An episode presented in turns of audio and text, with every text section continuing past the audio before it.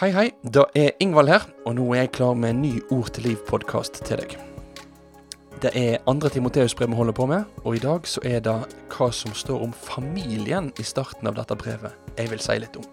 Men før vi starter, så vil jeg komme med en liten påminner til deg. Førstkommende tirsdag, den 23. februar, så skal jeg på kvelden være med i Betania studentfellesskap sin kveldsbibelskole. Da er det sånn at fra klokka sju og utover på tirsdag, så vil det bli streama en dobbelt bibeltime på Facebook-sida deres om Timoteus. Så hvis du vil høre mer om personen Timoteus, og hva vi kan lære om han og av han, ja, så må du få med deg denne kveldsbibelskolen på tirsdag. Jeg kommer til å legge ut link på Facebook-sida til P7, men du kan òg gå rett inn på Betania studentfellesskap si Facebook-side. Det er altså førstkommende tirsdag klokka sju. Da er det en dobbelt bibeltime om dette temaet. Men nå er det tid for dagens podkast. Jeg skulle ønske at jeg hadde opplevd en sånn radikal omvendelse. Sånn som de som ikke vokser opp i en kristen heim opplever. Eller sånn som de som vokste opp i en kristen heim, men som tok avstand fra trua en periode og kan ha opplevd. Jeg skulle ønske at jeg hadde opplevd det samme, for da hadde jeg mer kunnet kjent på forskjellen. Forskjellen på det å være borte fra Gud og på det å være født på ny. Men jeg har liksom aldri hatt denne radikale omvendelsesopplevelsen. Jeg har vokst opp i dette og sagt at jeg har trodd på Jesus hele livet, men jeg har aldri helt fått oppleve den store forandringen. Det å gå ifra mørke til lys. Og når jeg ikke opplever det, kan jeg da vite at jeg er født på nytt? Kan jeg virkelig være en kristen hvis ikke jeg har erfart at livet mitt har blitt snudd på hodet, sånn som de som tidligere har vært langt borte fra Jesus vitner om? Sånne tanker som dette her, det har jeg hørt ifra ulike ungdommer og unge voksne som har vokst opp i en kristen familie. Få sier det nok så usminka og direkte som det jeg sa her i innledningen, men selve tanken kan nok mange kjenne seg igjen i. Opplevelsen av at en aldri har erfart det radikale oppbruddet, men en har erfart at gudstrua bare har modna gjennom livet. Og for noen så kan dette bli ei tung bør å bære, og det gnagende spørsmålet om en faktisk har del i trua, kverner opp igjen og opp igjen fordi en aldri har opplevd kontrasten til det en nå kjenner. Hvorfor tar jeg opp dette her nå i starten av dette programmet? Jo, fordi min opplevelse er at det kan være en tendens til at vi ikke verdsetter velsignelsen av det å vokse opp i en kristen heim, av det å ha ei slekt som òg har trudd på Herren. I Ord til liv så har vi nå starta på en ny serie om andre Timoteus-brev. Og I starten av dette brevet så kommer Paulus inn på det som har å gjøre med slekta. Med å henvise til sin egen slekt og Timoteus' slekt, så får han fram et par viktige poeng ved den kristne trua, som vi skal bruke tid på i denne episoden.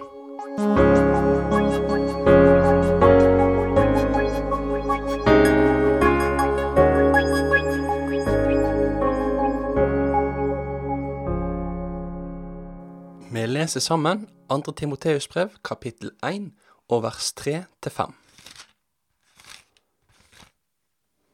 Med takk til Gud, som jeg tjener med rent samvitt, slik fedrene mine gjorde, husker jeg stadig på deg, natt og dag, i bønnene mine. Jeg husker tårene dine, og jeg lengter etter å få sjå deg att. Det ville fylle meg med glede. Jeg tek på nytt fram i minnet den ærlige trua di, som først bodde i Louise, mormor di, og i Evnike, mor di. Jeg er viss på at du òg bor i deg. Amen. Det kunne vært ulike moment vi kunne stoppe opp for i denne teksten her. Vi kunne satt på nærheten mellom Paulus og Timoteus, og om den kontinuerlige bønnetjenesta som Paulus har for Timoteus sitt liv. Men nå er det slekta som er i fokus i dette programmet. Og Vi begynner med det som Paulus sier om si slekt. Han sier at han tjener Gud med rent samvikt, slik fedrene gjorde. Ordet som ble brukt her, da sikter nok ikke bare til mor og faren hans, nei, det sikter til den store slekta som han kommer ifra. Filippabrevet kapittel 3 og vers 5 forteller oss hvordan Paulus er av Benjamins stamme. Han er en hebreer som har ei lang slekt av forfedre som har trudd på Herren, Israels Gud. Nå skriver Paulus om hvordan han nå tjener den samme Gud som forfedre hadde gjort i gammeltestamentlig tid. Dette er viktig at vi har klart for oss. Den kristne trua, altså trua på Jesus, Guds sønn, vår frelser og Herre, det er ikke en ny religion. Jesus er ikke opphevingen, men oppfyllingen av Det gamle testamentet. Så når jeg sier at jeg tror på Bibelens Gud, jeg tror på Jesus Kristus, ja, så tror jeg på Abrahams, Isaks og Jakobs Gud. Denne kontinuiteten mellom gudstrua i Det gamle og Det nye testamentet, og gjennom historien, den stiller oss som tror på Jesus i dag, og inn i en større sammenheng. Jeg tilhører Guds folk, da folket som går gjennom alle tider. Inn i mitt og ditt liv, inn i vår hverdag, så kan dette være aktuelt på ulike måter. Kanskje du kjenner på det at det er ikke den store flokken av Jesus-etterfølgere der du bor. Og som vi skal komme inn på seinere i dette brevet, så ser det ut som at Paulus kjente på noe av dette her, at det var ganske ensomt i fengselet. Og det kan oppleves ensomt, ja, det kan oppleves som at en er et utskudd om en tror på Jesus i dag òg. Men Bibelen plasserer meg og deg inn i en større sammenheng. Om du tror på Jesus, så tilhører du ved trua på Han Guds verdensvide kirke. Og du tilhører òg Guds folk, som eksisterer gjennom historien, og som i dag finner i himmelen og på jorda. Liturgi er noe som mennesker kan ha litt ulikt forhold til. For mange så er det kanskje en del ord som bare blir ramsa opp, og så tenker en ikke så mye over hva som faktisk blir sagt. Men liturgien som blir brukt i gudstjenester rundt omkring, de er ofte bærere av veldig mye viktig teologisk innhold. Et eksempel på dette her, det er fra innledningen til Den norske kirke sin nattverdsliturgi.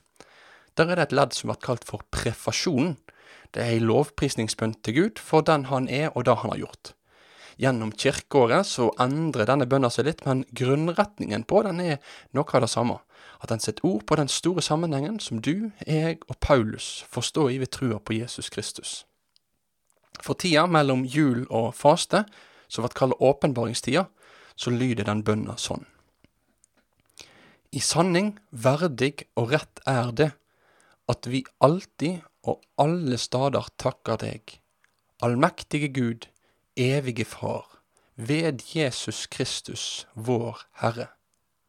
Han som åpenbærer din herligdom for verda, så den som følger Han, ikke skal vandre i mørket, men ha lys og evig liv. Ved Han lovsyng englene din herligdom, og de kyrkje i himmelen og på jorda priser navnet ditt med samrøysta lovsong. Med dei vil vi òg blanda våre røyster, og tilbederne synga. Og så kjem det Heilag, heilag, heilag er Herren Sebaot, osv. Guds kirke, i himmelen og på jorda, får sammen med englene lovprise Herren for den han er, og for det han har gjort. Du står i en større sammenheng. Sjøl om stemma di ikke høres stort, fatt mot. Stemma di, den blander seg med heile himmelherren. Du som tror på Jesus, du har del i det samme som alle de som døde i trua på Herren, har del i. Du har del i evig liv ved Jesus Kristus. Men det jeg sier til ved slekta, som jeg tenker vi skal merke oss fra dagens tekst. Det er det som står om den true som bodde i mora og mormora til Timoteus, og som Paulus òg var overbevist om at Timoteus hadde. Timoteus han vokste opp i en blanda heim. Apostelens gjerninger kapittel 16 forteller oss om at mora, Evnike, hun var en truende jøde, Men faren han var en greker, og ut ifra det som står i teksten, så ser det ikke ut til at han delte Evnike si tru. Som en konsekvens av dette her, så ble heller ikke Timoteus omskåren som et guttebarn, sånn som jødiske guttebarn i utgangspunktet ble. Vi veit ikke noe mer om hvordan dette har vært, hva hans far har tenkt om at Timoteus kommer til tru og valgte å vie livet sitt til misjonstjenester. Men det vi veit, det er at Timoteus sin mor blir dratt fram både i apostelgjerningene og i andre Timoteus brev som ei truende jødisk kvinne. Det er tydelig at hennes tru òg har vært avgjørende for Timoteus' i tru.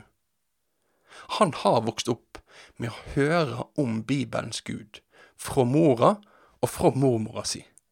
Han har lært av de, og det ser ut til at han har kommet til tru på Gud gjennom deres ord.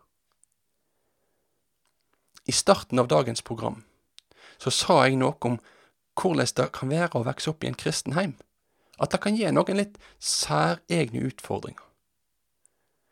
Uansett hva tanken kan kjempe med i sitt liv, så håper jeg at denne teksten kan få være med og minne deg om at vi ikke må glemme at det er et stort privilegium å lære Gud å kjenne i familien gjennom oppveksten.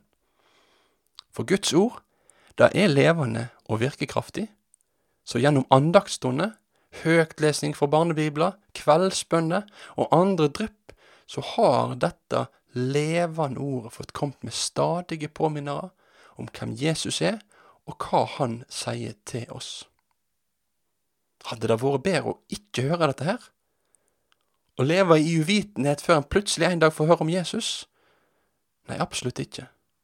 Trua kjem ved å høre budskap om Jesus, og du som har vokst opp i en kristen heim, du har dag etter dag etter dag fått møtt ord om Han. Og det er faktisk noe å være takknemlig for. Kanskje du ikke har tenkt over hvor stort et privilegium dette her faktisk er? Benytt gjerne anledningen i dag til å takke Gud for de som har pekt på Jesus for deg, og som stadig mater deg med Hans ord gjennom oppveksten, hvis du er så heldig at du har fått oppleve dette. Men om du sjøl i en situasjon at du har små barn eller barnebarn, så håper jeg at denne teksten òg, om Louise og Evnike, kan få være til inspirasjon og til oppmuntring for deg. Deres liv med Herren vart betydningsfullt òg for Timoteus. Du òg skal få være med å lære opp dine eventuelle barn og barnebarn i trua på Jesus. Og kanskje er det noen som hører dette her, og som opplever at de må stå litt aleine i akkurat dette. At ektefellen rett og slett ikke er så opptatt av at barnet skal få høre om Jesus. Da kan du òg få ha Evnike som et forbilde. Hun var gift med en greker, en som ikke delte hennes tru, men hun, hun fikk være et trufast vitne, og hennes tjenester, den bar frukt. Ingen av oss kan bestemme over noen andre menneskers tru, om det er våre barn eller våre barnebarn. Men det vi kan, det er at vi kan få ta deg med til Jesus i bønn. Og vi kan ta Jesus med til deg gjennom ordene og livene våre. Må Herren velsigne deg i denne oppgaven i ditt liv.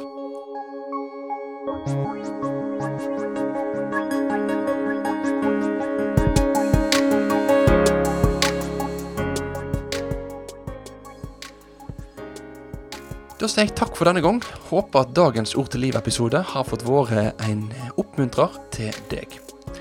Helt avslutningsvis bare en liten påminner. Nå i koronatida så er det jo sånn at eh, vi i P7 òg har mye mindre vanlig møtevirksomhet enn det vi pleier å ha. Og Det betyr jo at kollekttallene går nedover. Vi driver vårt arbeid på frivillige gaver, og derfor vil jeg si til deg at hvis du har lyst og anledning til det, så er du hjertelig velkommen til å gi ei gave til P7 via VIPS. Da skriver du inn nummer 547767 på VIPsen din, og gir den gava som du ser for deg. Tusen takk skal hver og en av dere ha.